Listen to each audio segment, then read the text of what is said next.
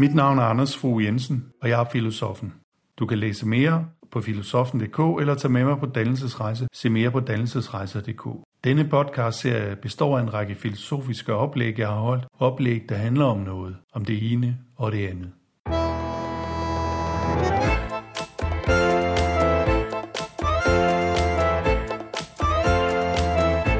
Denne podcast handler om retfærdighed. Det er den tredje af de græske kardinaldyder, dike, der er i fokus her.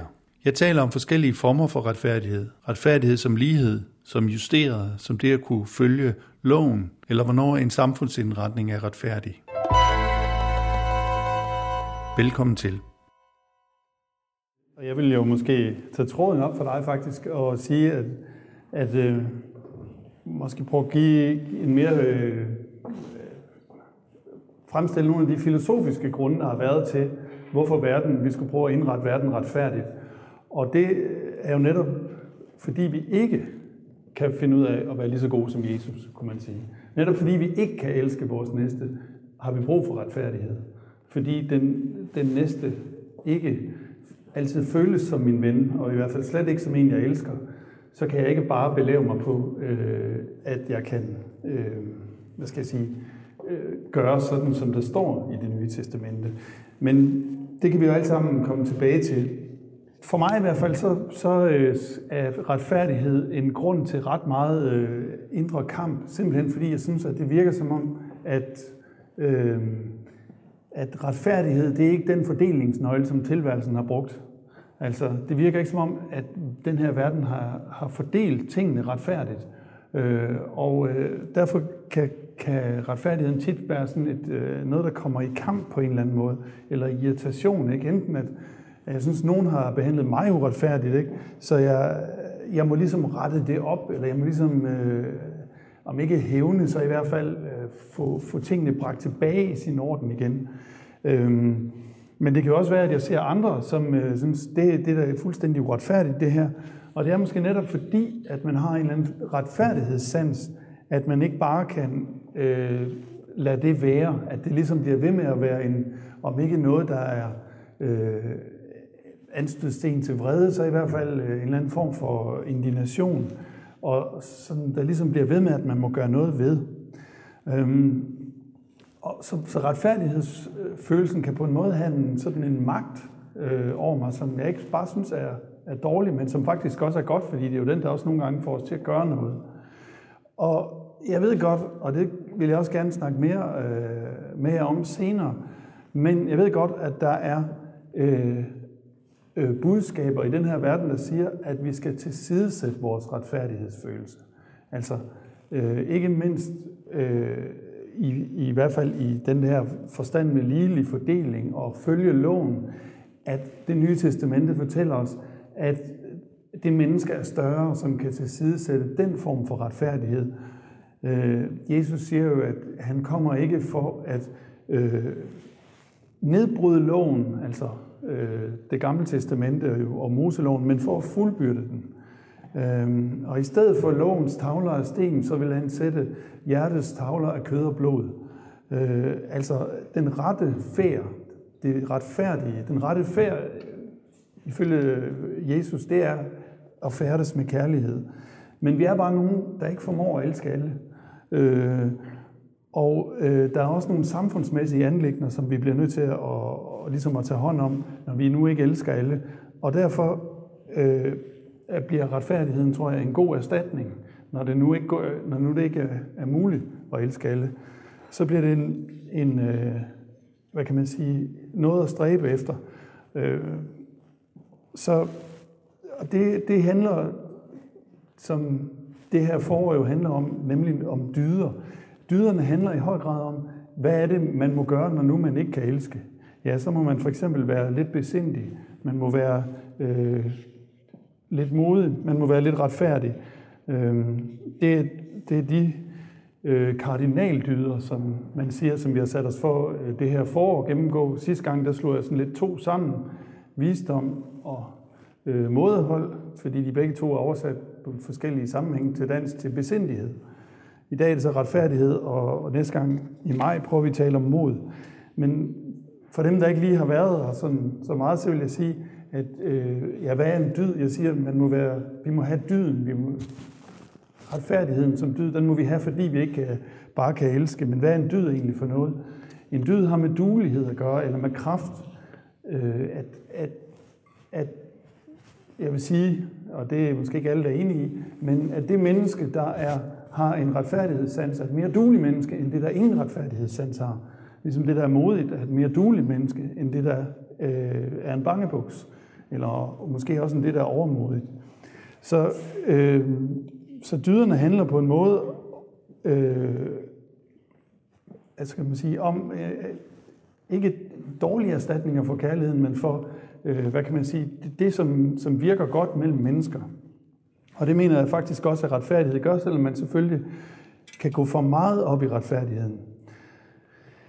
Men i forhold til de, øh, nogle af de andre, i hvert fald i forhold til modet og i forhold til mådehold, så kan man sige, at retfærdigheden har ligesom et eller andet absolut over sig.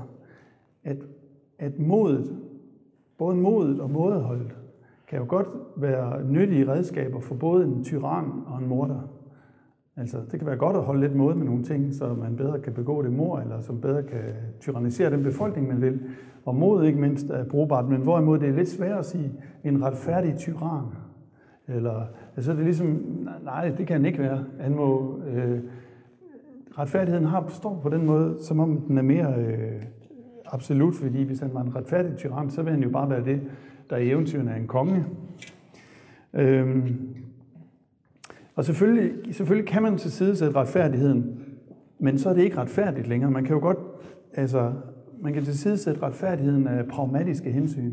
Ikke? Øh, eller man kan i en skilsmisse til side sætte retfærdigheden for barnets skyld, for eksempel. Og det kan der være gode grunde til, men så er det bare ikke retfærdigt.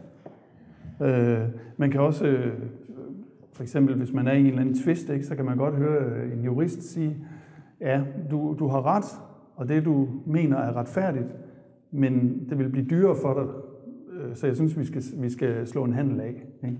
Det, det kan bedre betale sig at, at, at slå en handel af, selvom det, du ikke får ret, og du heller ikke, retfærdigheden heller ikke sker fyldest.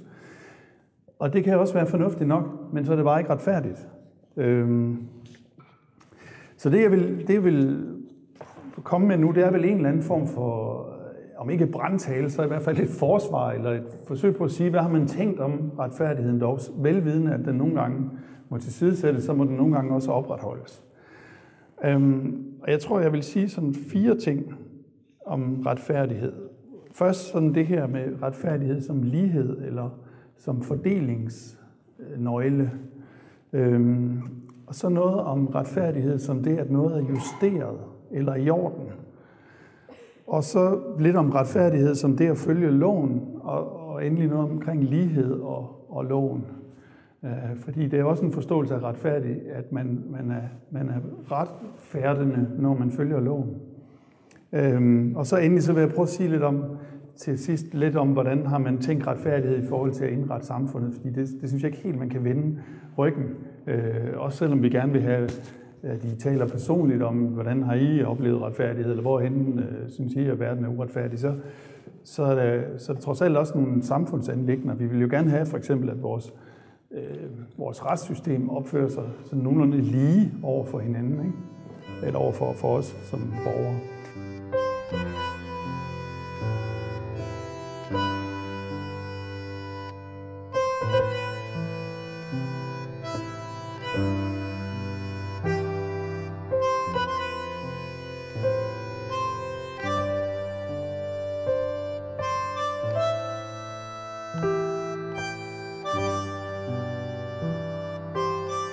Hvis nu tager det første, retfærdighed som lighed. Det er nok den mest simple figur, jeg tror, man kan forstå, hvad retfærdighed er. Det er, øh, at det er en lige fordeling. Altså øh, retfærdighedens øh, gudinde ikke? På, på latin, justitia, står med bind for øjnene og tvær i den ene hånd, og, og så to vægtskåle i den anden. Ikke? Nu skal de have lige meget. Øh, øh, hvad kan man forestille sig? Mest banale eksempel, ikke? Jeg har slået græsset sammen med min lille søster, og så får vi en sodavand, vi skal dele. Det, må, det tænker jeg, det, det er i hvert fald en, en faktisk situation at være ude for. Hvordan deler vi den sodavand retfærdigt? Øh, ja, den første sådan næsten matematiske øh, retfærdighed, i hvert fald det princip, som galt øh, hjemme hos mine forældre, det var, de skal have lige meget. Ikke? Der skal være lige meget de to glas, så er det en retfærdig fordeling af sodavand. Øh, man hælder lige op, det er sådan, men der kan også være et andet, øh, vi bliver stadigvæk i det her med retfærdighed som lighed, men, men noget med proportionalitet. Ikke? Fordi jeg kunne jo godt finde på at indvende, at jeg var større end min lille søster. Så hvis, vi skulle, hvis den der appelsinvand skulle føles som lige meget, så skulle der jo være, altså hun vejer det halve af, hvad jeg gør, så skulle jeg vel også have to tredjedel af sodavanden.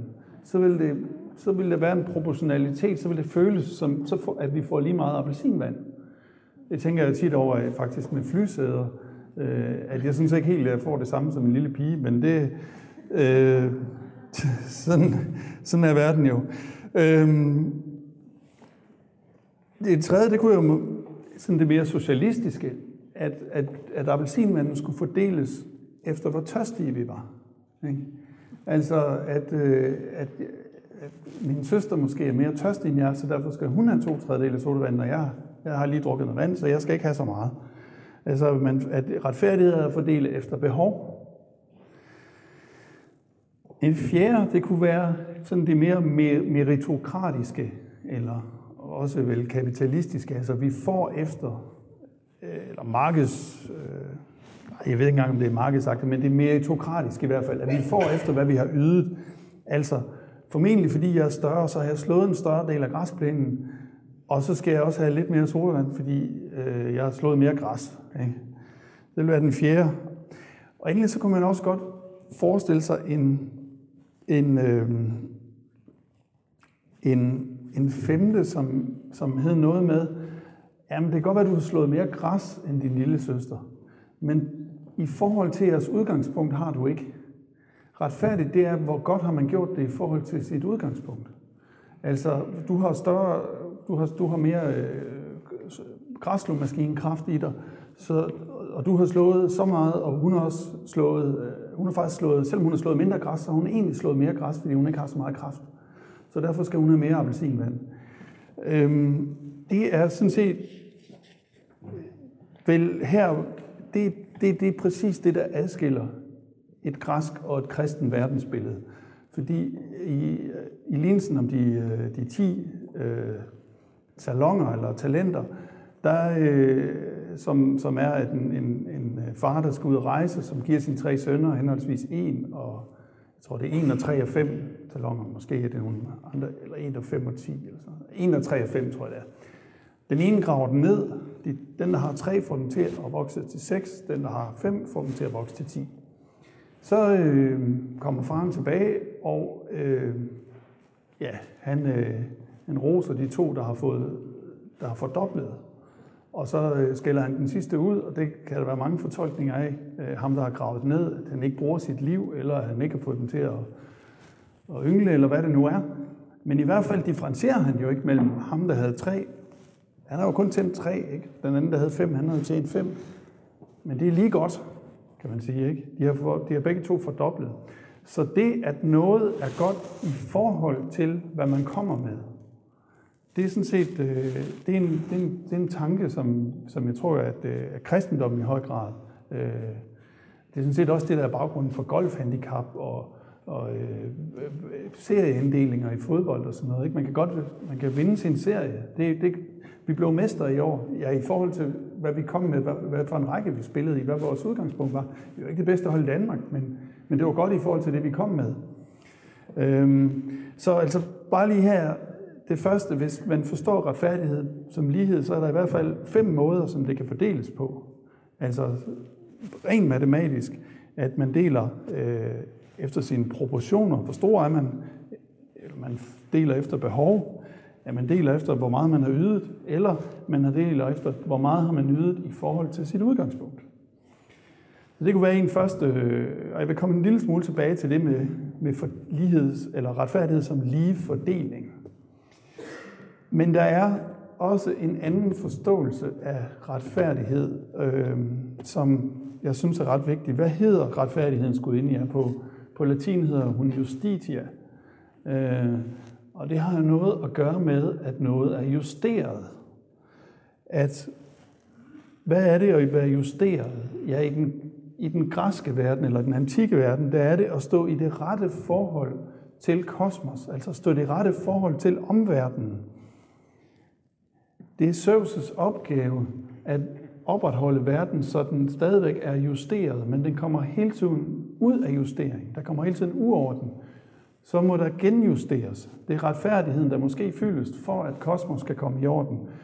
Så derfor gør Zeus noget inden, længe inden han bliver gift med Hera.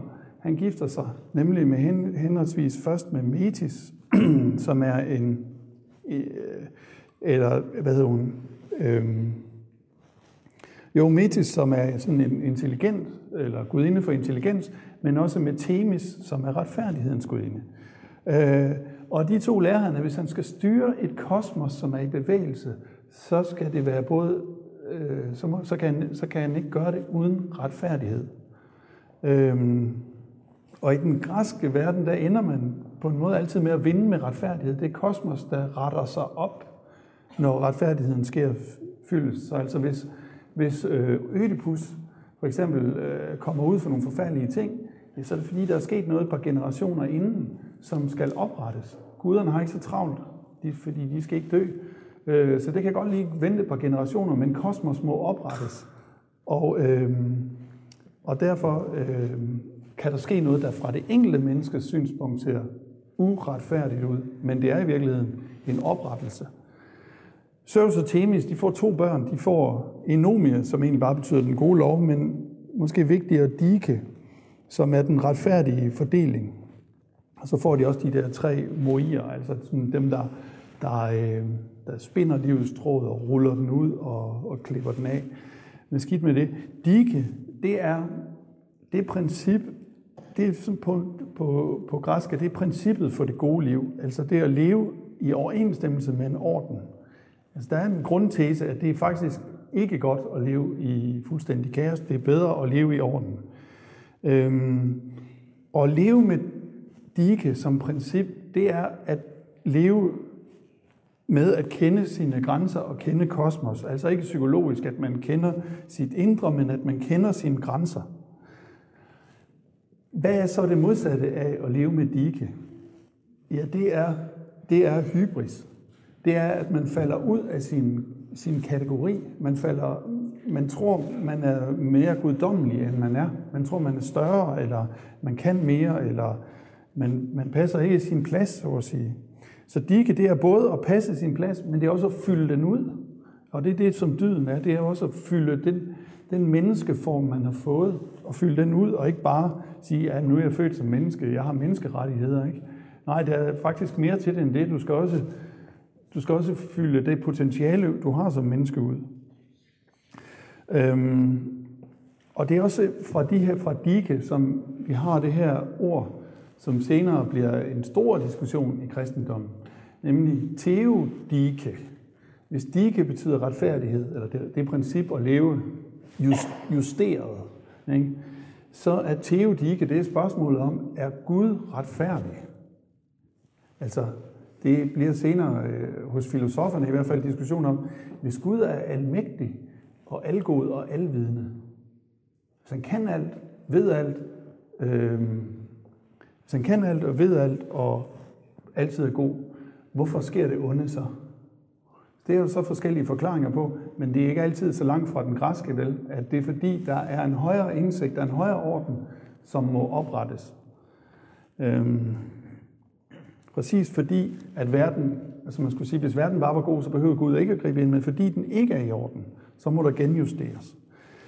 Og det er sådan set også, øh, hvad kan man sige, hos grækerne gælder det sådan set også i bystaten, ikke? at der skal være, man skal være i harmoni, eller i hvert fald justeret i forhold til, til den, som så skal være justeret i forhold til, til kosmos. Og der er det jo vigtigt nok, at man må holde loven, eller holde, holde, holde det, der gælder Ellers, hvis man hæver sig ud af det, sætter sig over loven, så øh, kommer der uorden. Og uorden kræver en oprettelse.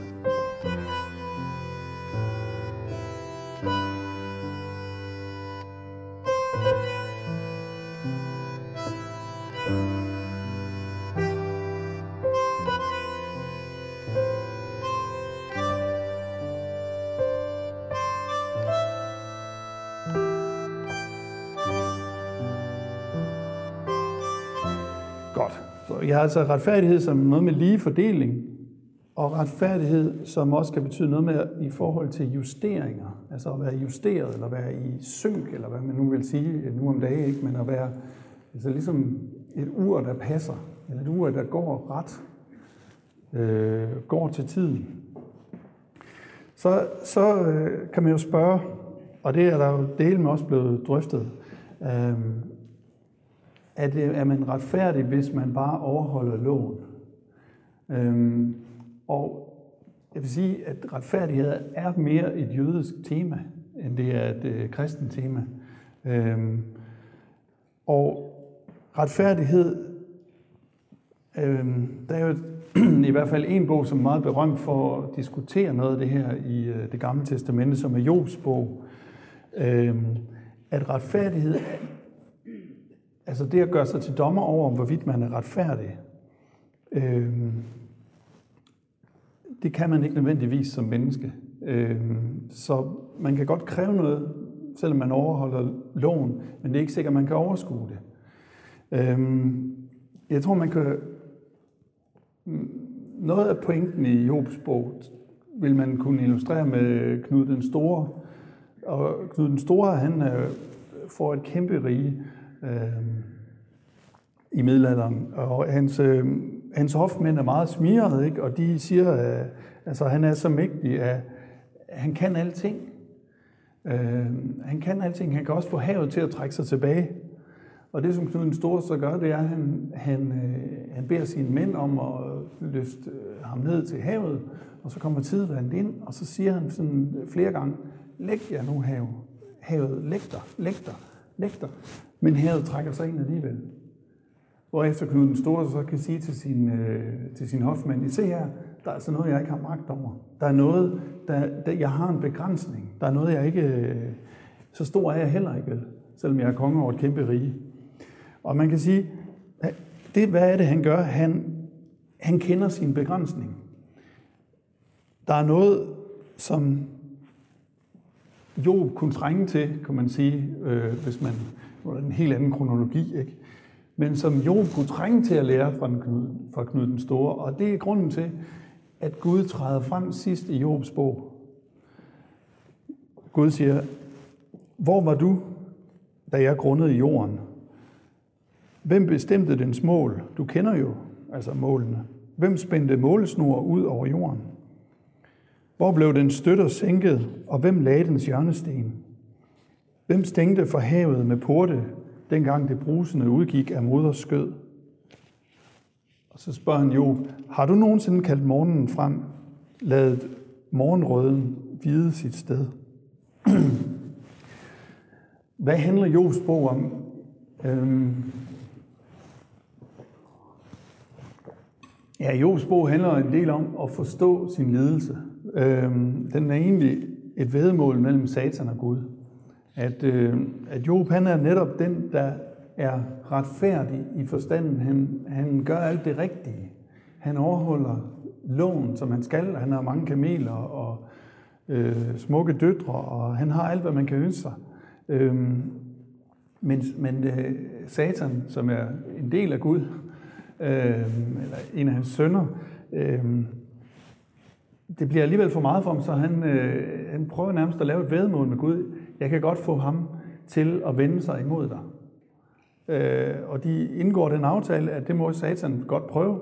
Han må tage alt muligt fra Job, men han må bare ikke røre hans liv. Øh, og Job, altså, der, der rammer først bylder over hans døtre, og hans kameler forsvinder, og Job får bylder, og der sker alt muligt. Så den her vanefromme mand, han bliver mere og mere en, øh, hvad kan man sige, til at starte med, så begynder han så at forsvare systemet, øh, eller det, der sker. Jamen, der er en orden med det, og, og øh, Gud er retfærdig, men efterhånden, øh, så bliver den her vanefromme mand jo også til systemkritiker. Øh, altså, har Gud virkelig ret? Er Gud egentlig ikke netop uretfærdig? Øh,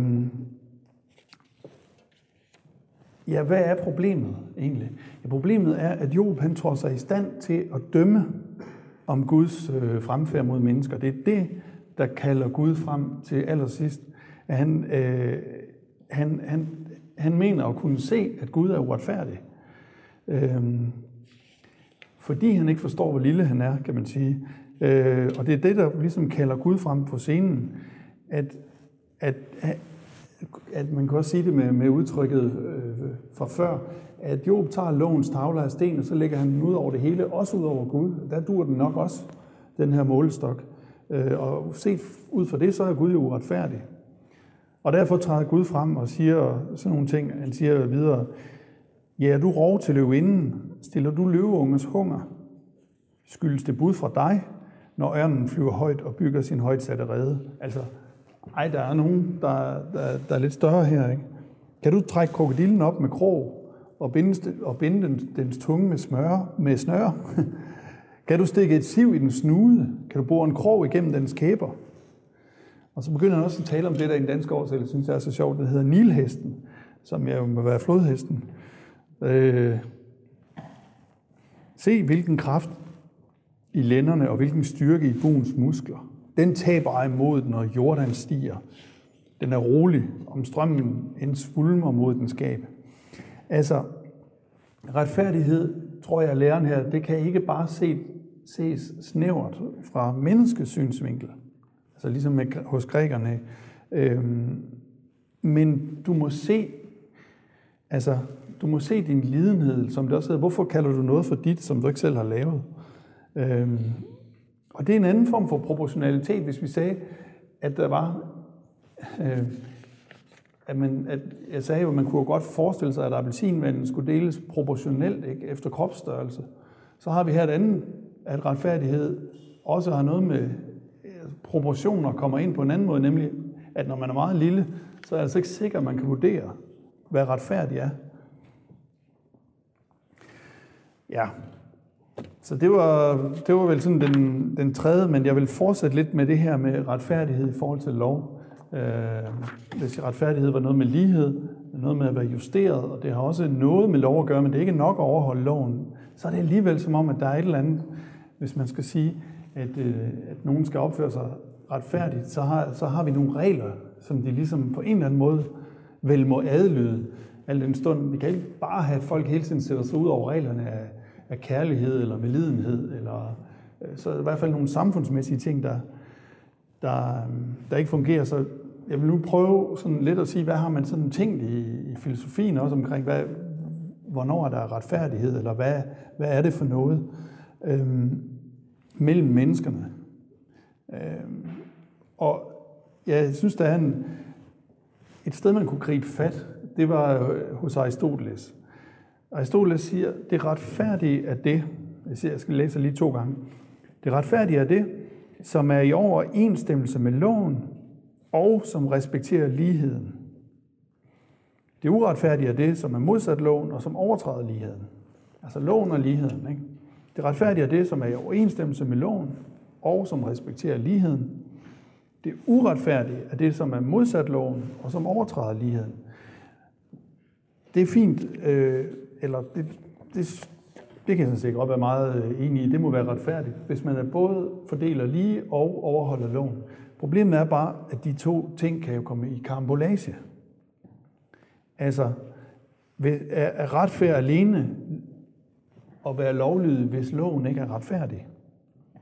Eller sagt på en anden måde, hvis legalitet og lighed ikke falder sammen, er det så retfærdigt bare at overholde loven og sige, være skankepæv og sige, jamen jeg overholder loven.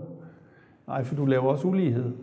Eller man kunne jo sådan sige noget så simpelt som, at noget af det, loven siger, øh, i hvert fald i de fleste øh, samfund, det er, at der skal være en ejendomsret. Men ejendomsretten er lige netop garantien for en ret uretfærdig fordeling. Øh, I hvert fald ulige fordeling, kunne man, hvis man skulle være lidt mere moderat, mindre politisk. Øh, så man sige, der er i hvert fald en ret her, som garanterer en ulighed. Øhm, så der er altså et eller andet form for dilemma mellem lighed og loven nogle gange. Øh, det, selvom det ikke altid er sådan. Øhm, på den ene side, vi må adlyde loven, også selvom vi ikke er enige i den. På den anden side, så kan vi heller ikke bare droppe retfærdigheden, øh, hvis loven siger, at vi skal tåle det utålige. Så er der vel et eller andet krav om at bryde med loven. Øhm, hvis vi skal være, kalde os selv retfærdige i hvert fald. Vi kan selvfølgelig godt sige, at vi er retskaffende, eller vi, vi er ja, man skal næsten blive ret haveriske øh, i, at jeg har overholdt loven, men, men, men hvis man skal kalde sig retfærdig, skal man måske også skille til det der lighedsprincip. Jeg synes i hvert fald ikke, det er helt... Der er et eller andet med lighed, også selvom vi ikke bare kan sige, at retfærdighed det er at dele en appelsin i to lige store glas. Øhm, så på en eller anden måde, så synes jeg, det er som om, man må, man må løse det med et eller andet princip, eller noget, der går i retning af noget med lighed og gensidighed, og en eller anden form for respekt for ligeværd. Øhm, hvis man nu tager det eksempel, øh, hvor, hvor kan man forestille sig, at tingene foregik uretfærdigt? Når man handler brugte biler, ikke? Så øh, kunne man godt forestille sig, at det, det er ikke altid, det går helt retfærdigt til. Øhm, man skal selvfølgelig passe på med at bygge noget op over et eksempel, for det kan selvfølgelig binde sig til eksempel. Men jeg synes bare, det må være et sted, øhm, altså på en måde så må man godt sige, hvornår er en handel med en brugt bil? Hvornår er den retfærdig? Ja, det er den vel, hvis de har sådan nogenlunde... Det er vel ikke, at folk har lige mange penge, men at de er på en eller anden måde lige stillet i over for en eller anden købsret og tilbageleveringsret, og sådan, at der er en lighed i ret og pligt. Altså, vi udveksler, og kronen gælder det samme for os, og vi har samme returret og sådan noget. Så, så en retfærdig, retfærdighed her er ikke, at genstandene er lige. De er netop ret forskellige, altså penge og bil, det er ret forskelligt. Øhm, men der er lighed mellem individerne, som udveksler. Altså en form for juridisk lighed. Og som også vil være, parterne de skal vide det samme. Altså, de skal, de skal være frie, det vil sige, de, de, de skal ikke have armen om på ryggen og alt muligt, når de køber vel, eller være fuldstændig presset, men de skal også have en lige viden øh, for, at det er en retfærdig handel. Men det kræver loven jo ikke bare. Loven den siger jo ikke, at du skal fortælle alt. Den siger jo ikke, at når du, når, du, når du skal fremvise dit hus, så skal du også fortælle alt om din nabo. Det siger den jo ikke. Men det siger retfærdigheden. Retfærdigheden siger noget, som loven ikke siger, vil jeg mene at den siger, hvis der er væsentlig gene for din nabo, så er det retfærdigt at sige, når du fremviser huset. Eller du ved selvfølgelig mere om den her bil, når du sælger den. Så selvom loven ikke kræver det, så er, øh, hvad kan man sige, så er retfærdigheden vel den, der siger, men hvis det skulle være, hvis du skal kunne se dig selv i spejlet så, og kalde dig selv retfærdig, så skulle du nok have sagt det der, skulle du ikke?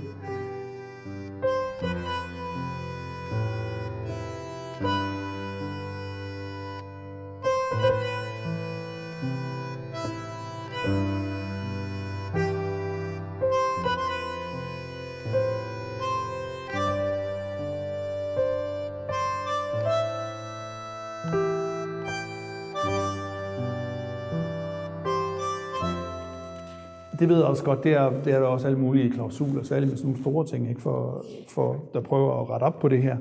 Men det vi har fat i her, det er øh, det filosofiske tema, som særligt Kant tager op, nemlig at de personlige, når der skal være retfærdighed, så må de personlige interesser ikke tælle. Og det er også derfor, at, at, øh, at øh, retfærdigheden skulle inde i Justitia, hun har bind for hende. Ikke? Fordi det, hvis den ene er hendes fætter, så må det ikke tælle, vel? Altså, så det skal stadigvæk være en afvejning, som er neutral. Så altså, hvad er lige, øh, ligheden i retfærdigheden? Det er vel at etablere et lige forhold mellem den stærke og den svage, mellem den, der ved meget, og den, der ikke ved så meget.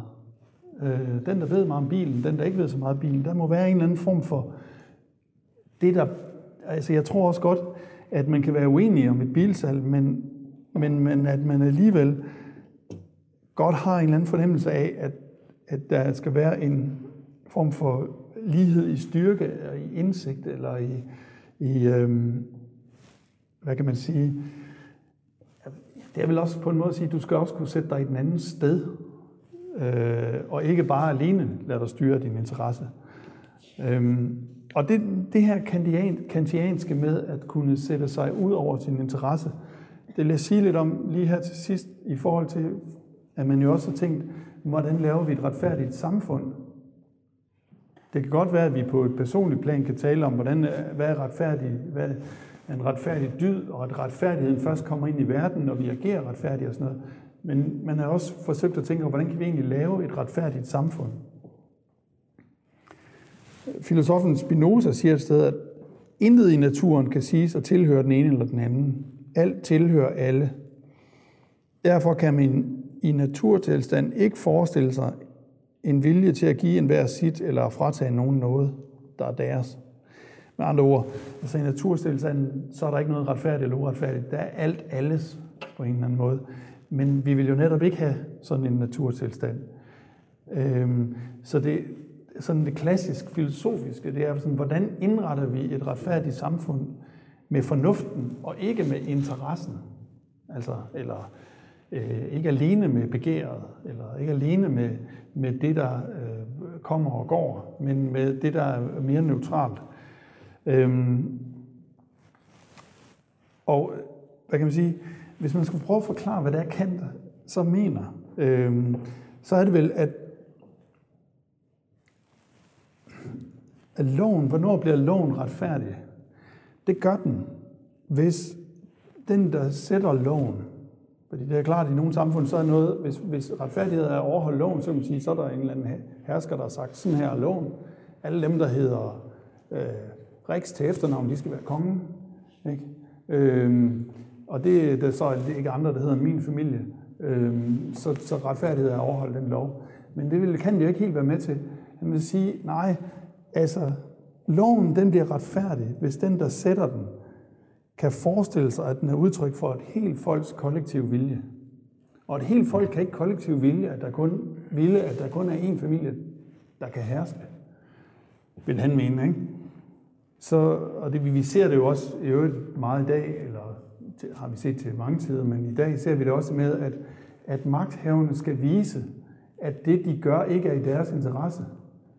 Fordi så, så kommer Ekstrabladet og siger, nej, de får så så meget ud af den nye boliglov, dem her, de her magthavere. Så de skal sådan hele tiden demonstrere, at det i hvert fald ikke er med interessen, at de sætter loven, men at de, det er med en mere almen fornuft. Øhm, og det, som, det er sådan det store tema der i, i, øh, i 1600-tallet og 1700-tallet, det er, det er et spørgsmål om, hvorfor har vi et samfund? Hvordan kan det, hvordan, hvorfor, hvorfor har vi ikke den der tilstand, som Spinoza siger? Det er ikke fordi, man forestiller sig, at, at menneskene en dag er sådan gået hen til et eller andet råd og har sagt, okay, nu lægger vi våbne, og så laver vi sådan en, en fælles enhed, en, den kalder vi stat, og den får så øh, monopolet på vold, som sociologen Weber siger. Det er ikke, det er ikke sådan, at, at man forestiller sig, at det historisk er sket. Men man, man er alligevel nødt til at tænke over, at det der, vi har som et statsapparat, er det egentlig retfærdigt? Og det er fornuftigt? Øhm, og der, hvad kan man sige, der er øh, det, den diskussion, det handler om, ja, det, det er fornuftigt, og det handler egentlig bare om, om loven den overhovedet er legitim på det her øh, tidspunkt. Øhm, så det, altså, der er en meget tæt sammenkobling mellem det retfærdige og det, det fornuftige, hvor det, hvor det betyder, at det, der ikke er i min eller nogens særlige interesse, men det, der er i vores allesammens interesse. Og noget, som man i hvert fald dengang jeg læste filosofi, øh, diskuterede meget, det var sådan en, øh, en øh, teori, som kom der i 70'erne, som en amerikaner, der hedder John Rawls, fremsatte i, han skrev en bog, der hedder A Theory of Justice, en, en ja, teori om, om retfærdighed i 71. Og prøvede at svare på det her spørgsmål. Hvis man skulle indrette en retfærdig verden, hvordan skulle man så gøre det? Og så laver man, det er også øh, sådan øh, så laver man en tankekonstruktion. Ikke? Jo, verden, hvis verden skal være retfærdig, så må den være indrettet således, som et, som, som et råd af mennesker ville gøre, hvis de, hvis de ikke vidste, hvor de selv blev placeret. Altså, hvis de, øh, hvis de, hvis de sad ligesom tilbagetrukket fra verden bag det, som Rawls så kalder uvidenhedens slør, så vil de indrette dem, og de ikke selv vidste, hvor de blev placeret, ja, så vil de, så vil de sådan indrette dem nogenlunde på samme måde. Altså, hvis man skulle lave en øh, skilsmisselovgivning, og man ikke vidste, om man blev mand eller kvinde, og man ikke vidste, om man blev skilt eller ikke skilt, eller måske barn i en skilsmisse, eller slet ikke involveret i en skilsmisse, ja, den måde, som mennesker så ville indrette dem på i den abstrakte situation, hvor de ikke vidste, hvor de selv blev placeret, det må være det retfærdige. Øhm, det er selvfølgelig for det første sådan, der er en, lidt en abstraktion, ikke? for hvor kender de det gode fra, hvis de ikke har levet et, et faktisk liv? Øhm, hvis de ikke har sådan noget, der er, det er ligesom om, det, det mangler noget materialitet. Men det handler i høj grad også, og det bliver jo også en, en, øh, en, en typisk amerikansk diskussion, tror jeg. eller ikke, om den er typisk amerikansk, men i hvert fald, den læner sig op af en liberalistisk tanke, nemlig, hvordan fordeler vi goderne? Vil retfærdig verden, hvad det, de mennesker, der sidder bag ved uvidenheden slør, vil de give alle lige meget? Nej, de vil altid sørge, de vil altid indrette verden sådan, at, at det var bedst muligt for dem, der var dårligt stillet, siger Rawls. Altså, hvis at de, dem, der var dårligt stillet, blev rigere af, at der var ulighed, det er det, der hedder incitamentstrukturer i dag i politik. Ikke? Altså hvis, det ligesom, hvis jeg får et skattefradrag, hvis jeg får et arbejde, så, så vil det være bedre også for de dårligt stillede, også for dem, der ikke har et arbejde. Så, så øh, på en måde så er man i gang med at legitimere en ulighed ved at sige, hvis mennesker ikke vidste, hvor de blev placeret, så vil de lave en ulighed, fordi det vil være bedst for de dårligt stillede. Så retfærdigt kan godt være, altså der kan godt være ulighed i en retfærdig verden, vil svaret være. Godt. Jeg tror, jeg vil, øhm, jeg vil til at begynde og, og slutte, men altså det, som jeg har sagt, det er, at der er forskellige former for retfærdighed. Retfærdighed har noget med lighed at gøre, men i hvert fald ikke bare med sådan matematisk lighed. Det er også være proportionaliteter af hensyn af forskellige slags. At retfærdighed kan være noget med at være justeret, eller noget i forhold til at være bragt i jorden, i forhold til en eller anden system af en slags. At retfærdighed måske nok kan have at gøre med at følge loven, men at det, som Jobs bog prøver at lære os, det er, at det, det er ikke nok, eller man kan i hvert fald ikke sige nok altid, i kraft af, at man er meget lille. Men at retfærdighed også har, altså tit opstår i nogle dilemmaer mellem lighed og det at følge loven. Øhm, og så, altså hele den her øh, tur omkring Kant handler vel meget om, at retfærdighed, altså det er vel, hvis det er en dyd, så er det vel også den kamp, som der hele tiden pågår i alle af os, med både at altså overvinde den fristelse, som det er at sætte os over loven og sige, ja, men altså, de andre, de, de skal udfylde selvangivelsen rigtigt, men ikke lige mig. Øh, eller de andre skal holde hastigheden, men ikke lige mig. Øh, den fristelse, retfærdighed er vel noget med at prøve at kæmpe mod det. Øh, og det er, det var også det, jeg startede med at sige, det er en dyd, som er nødvendig, fordi vi netop ikke bare elsker. Øhm, så retfærdighed er altid en kamp med en, med en eller anden form for, for modstand i det. det verden Altså det er hele tiden en kamp mod den uretfærdighed, som verden laver, mod det, de andre mennesker laver, men jo også mod den uretfærdighed, som er i, i, vor, i det, at vi bare er os, og har hver især, og har vores egne interesser. Øh, og derfor tror jeg også, at det er et andet grund til, at retfærdighed tit er forbundet med kamp. Det er ikke bare, hold kæft, hvor verden irriterer mig, at den er uretfærdig, men også en kamp mod, at jeg hele tiden har lyst til at gøre, til at, at gøre det uretfærdige. Godt. Øhm, det sidste, jeg tror, jeg vil lade Aristoteles få det næst sidste ord ved at sige, at han siger et sted, at venner er ligeglade med retfærdighed, men det retfærdige menneske har brug for venskab.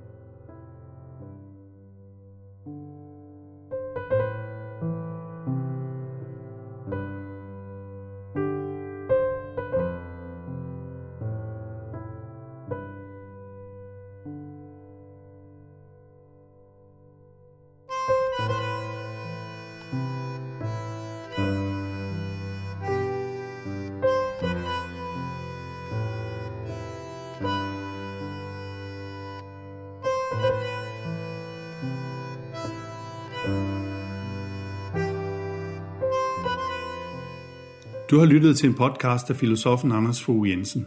Abonner på denne podcast for at få opdateringer. Mere information om filosofens virke kan findes på filosofen.dk og på dannelsesrejse.dk. Tak fordi du lyttede med.